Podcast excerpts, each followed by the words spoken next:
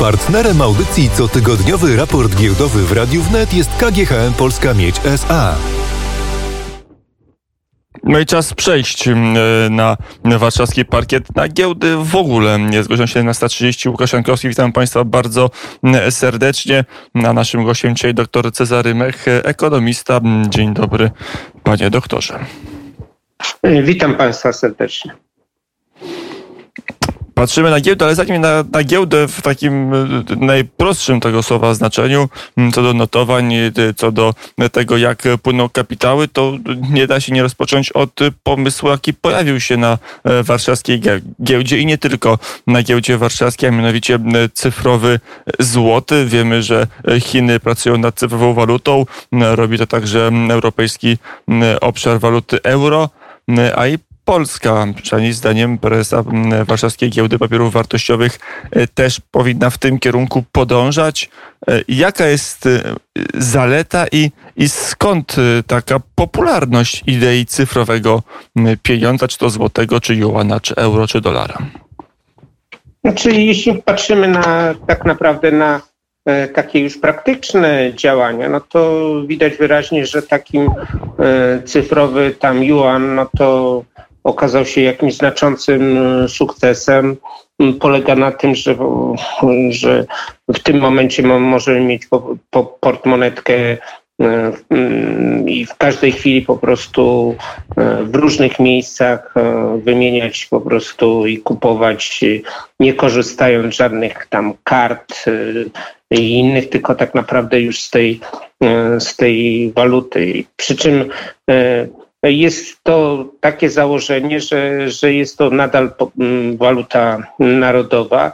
E, z tym tylko, że to jest no, powiedzmy w takim aspekcie już takim elektronicznym, że posiadamy ją.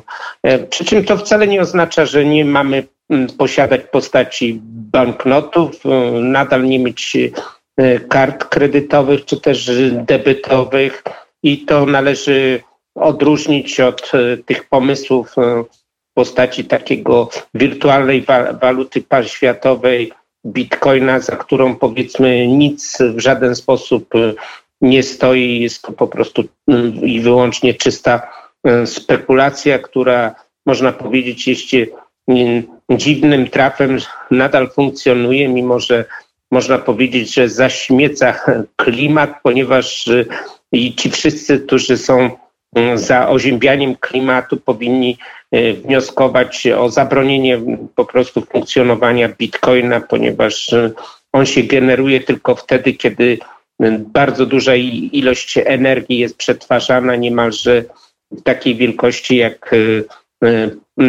zużycie energii całej Norwegii. I tyle potrzeba, aby e, kopać wirtualną walutę, która coraz bardziej jest nazywana e, spekulacyjną, ale tu mają być rządowe e, cyfrowe pieniądze kontrolowane przez rząd. Szczególnie interesujący jest ten pomysł chiński, bo to duża gospodarka, największa być może już w tej chwili gospodarka i gospodarka, gdzie rząd ma w zasadzie nieograniczone możliwości, tylko stanem faktycznym i rzeczywistością ograniczającą, a nie uwarunkowaniami politycznymi czy, czy społecznymi. Na ile tam tego typu pomysły mogą być pomysłami idącymi w kierunku ograniczenia wolności obywateli, zwiększenia siły ekonomicznej e, państwa e, kosztem wolności, ale też możliwości działania zwykłych obywateli. Czy tamten eksperyment, można powiedzieć, e, był przeprowadzony z sukcesem? Niewątpliwie takie dość e, merokratyczne podejście, powiedzmy, e, w Chinach, takie patrzące, powiedzmy, mające mm, władze posiadające rzeczywistą władzę, no, powodują, że rzeczywiście to można było mm, przeprowadzić. No, każdy Mm, obywatel dostał jakąś tam e, walutę. Ponadto przebiegało to w fazie, w fazie takiej rzeczywistej. E, ponadto nawet jeśli sprzedawcy nie mieli odpowiednich urządzeń, a przynajmniej nie mogli się połączyć, to nadal te transakcje, e, transakcje przebiegały, więc można powiedzieć, że że i na tym polu, nie tylko na polu tam organizacji Igrzysk Olimpijskich, bycia światowym czempionem produkcji przemysłu, Chiny okazały się tutaj bardzo sprawnym organizmem gospodarczym, który no, widać wyraźnie, że niezależnie od, od tego, że oczywiście mam bardzo wiele bardzo wiele ograniczeń. Można powiedzieć, tutaj przecież w żaden sposób nie pochwalamy ich podejścia dotyczącego kontroli urodzeń, czy też powiedzmy ograniczenia wolności w aspektach gospodarczych no jest e, tą siłą, która stara się już teraz e, przeklasyfikować jako na e, światowy prymat, odsuwając powiedzmy i zagrażając temu prymatowi amerykańskiemu sieci. To teraz powoli zbliżajmy się do, do tematu działań stricte giełdowych. Obserwujemy po okresie pandemii pewien powrót do niższych notowań na, na parkietach, nie tylko na warszawskiej e, giełdzie. Zastanawiam się, dlaczego patrząc na, na warszawski parkiet tak trudno jest namówić firmy do debiutów. Ostatnio tych e, debiutów e, w ubiegłym roku kilkanaście było, dokładnie 48, 16 na rynku głównym i 32 na rynku New Connect, ale jak się rozmawia z przedsiębiorcami, nawet tymi większymi, to oni nie palą się na, na giełdę. Wiele osób mówi, że w tej chwili giełda jest miejscem, gdzie wcale niełatwo zdobycie e, kapitału, a wymagania są duże. E, jak to wygląda i na ile jest tak, czy, czy giełda warszawska może jeszcze e, się wzmocnić i być takim naturalnym miejscem do pozyskiwania kapitału? No niewątpliwie, no, giełda, mm, dobrze, że mamy powiedzmy własną giełdę, możemy Y, może być mm, tam funkcjonować, jeśli chodzi przecież o Wiktor, to jest 347 y, spółek, to jest miejsce pozyskiwania, pozyskiwania kapitału.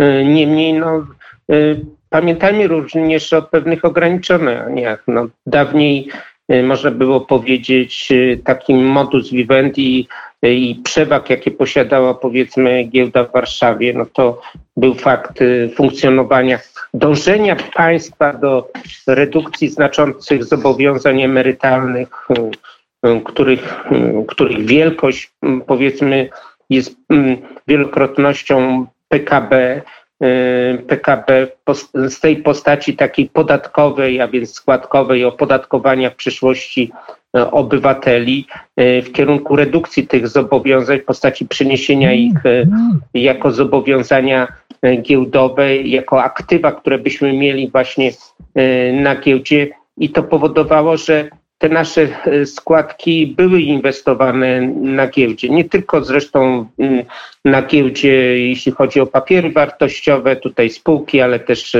przecież instrumenty dłużne. W chwili, kiedy jest proces odwrotny, a więc nie ma tego napływu oszczędności takich e, wewnętrznych, to oczywiście e, ta rola tego czynnika jako tworzącego kapitał staje, staje się mniejsza. No, też pamiętajmy, że obecnie jesteśmy też tak, w takiej fazie, kiedy to jednak e, składka została, ta, która trafia do OFE, została ograniczona. Z drugiej strony jednak ten suwak, ta, suwak, który wymusza tak naprawdę sprzedaż e, aktywów w OPE w, e, w chwili, kiedy się przybliżamy do wieku emerytalnego, również tak działa depresyjnie na wyceny na, na, na, na, polskiej, na polskiej giełdzie. No, jeśli patrzymy tak długoterminowo, to zauważmy, no, y, też wynika, że te wyceny, i tu należałoby się zastanowić właśnie nad tym, nad tym potencjałem Polski, dlaczego on jest powiedzmy taki, y, a nie inny, jeśli chodzi o przyszłość, oczekiwania dotyczące gospodarki. Pamiętajmy, no, giełda to, to są przyszłe zyski, one są bardzo silnie skorelowane z tym, jaką my przejawiamy się żywotnością, e, takim podejściem innowacyjnym, twórczym, e, jak i też jak znacząco będziemy w przyszłości, nasza gospodarka, jak będzie wyglądała w przyszłości. No i tutaj rzeczywiście no, te wskaźniki, które pokazują, że tak, gdy patrzymy na ten WIG, a więc taki indeks giełdowy E, to one są teraz na poziomie tego indeksu, który był e, e, w okresie tam 2007 roku. To nie jest tak jak powiedzmy na przypadku tam Stanów Zjednoczonych i innych czołowych, że te indeksy wzrosły dwukrotnie, a więc można by było powiedzieć, że na tych inwestycjach w Polsce się adekwatnie nie, nie zarabiało.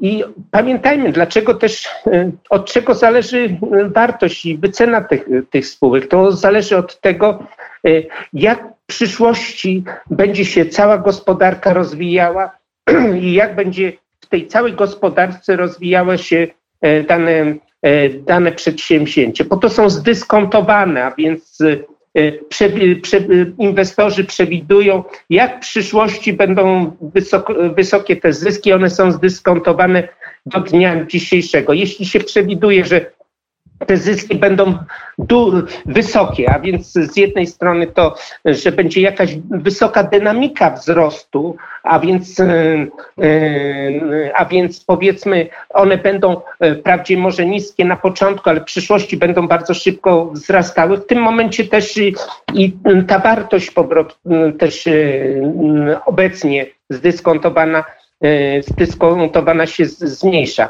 I tu mamy widoczne ograniczenia. E, one wynikają z, z barier, przed którymi stoi Polska. To e, są bariery dotyczące no, tej wielkości tej gospodarki, jej żywotności, jaka będzie w przyszłości. No a jaka może być żywotność w przyszłości gospodarki w sytuacji, kiedy w ciągu 10 lat, jak GUS podał, to ilość spadła ludności o 300, tam około 300 tysięcy, o tyle mniej więcej młodzieży też ilość spadła w ciągu 10 lat, ale co gorsza, no, o 10, o 2 miliony spadła ilość osób pracujących, a z drugiej strony o 2 miliony miliony osób spadła ilość wieku emerytalnych, a więc, że podatki będą większe, zaś ci, którzy produkują cokolwiek, to przy, w przyszłości będzie tych osób mniej. Jeśli patrzymy na kwestie dotyczące y, tych naszych kontaktów z Unią Europejską, jeśli naszym wielkim zasobem była tania energetyka, a więc coś, że mieliśmy przewagi w porównaniu z innymi naszymi partnerami. No i w tym momencie chodzi, że my musimy zmienić nasz model biznesowy w kierunku drogiej energii. To też widzimy, koszty y, zwiększają się, a więc i przyszła ta zyskowność również maleje. Jeśli patrzymy o taki trzeci e, czynnik dotyczący, jak te perspektywy będą w przyszłości, no to patrzymy na kwestię, czy my się wyrwiemy z tej pułapki średniego dochodu, a więc czy przyspieszą procesy konwergencji. A więc mimo tego, że jesteśmy mniej liczni, to będziemy znacznie więcej produkowali, poprzyspieszymy te procesy. I zauważmy też, Europa raczej nas widzi jako tego taniego dostawcę i raczej dąży do tego, żebyśmy my e, produkowali i mieli zasoby mniejsze e, w postaci takiej, że no, sprowadzamy tych imigrantów o niskiej wartości, o, o niskiej wiedzy, e, która wcale nie służy temu, żeby ten rynek się powiększał, te perspektywy się powiększały. I dlatego z tej perspektywy musimy patrzeć na te ograniczenia, które stoją przed E, przed mm, polską giełdą, Bo musimy... one dużo mówią. Bo musimy pamiętać, że giełda bazuje przecież nie tylko w próżni i w tańcu kapitałów, ale także jest odzorowaniem tej realnej, rzeczywistej gospodarki, o czym powiedział dr Cezary Mech, ekonomista, były wiceminister finansów. Dziękuję bardzo za rozmowę. Dziękuję bardzo.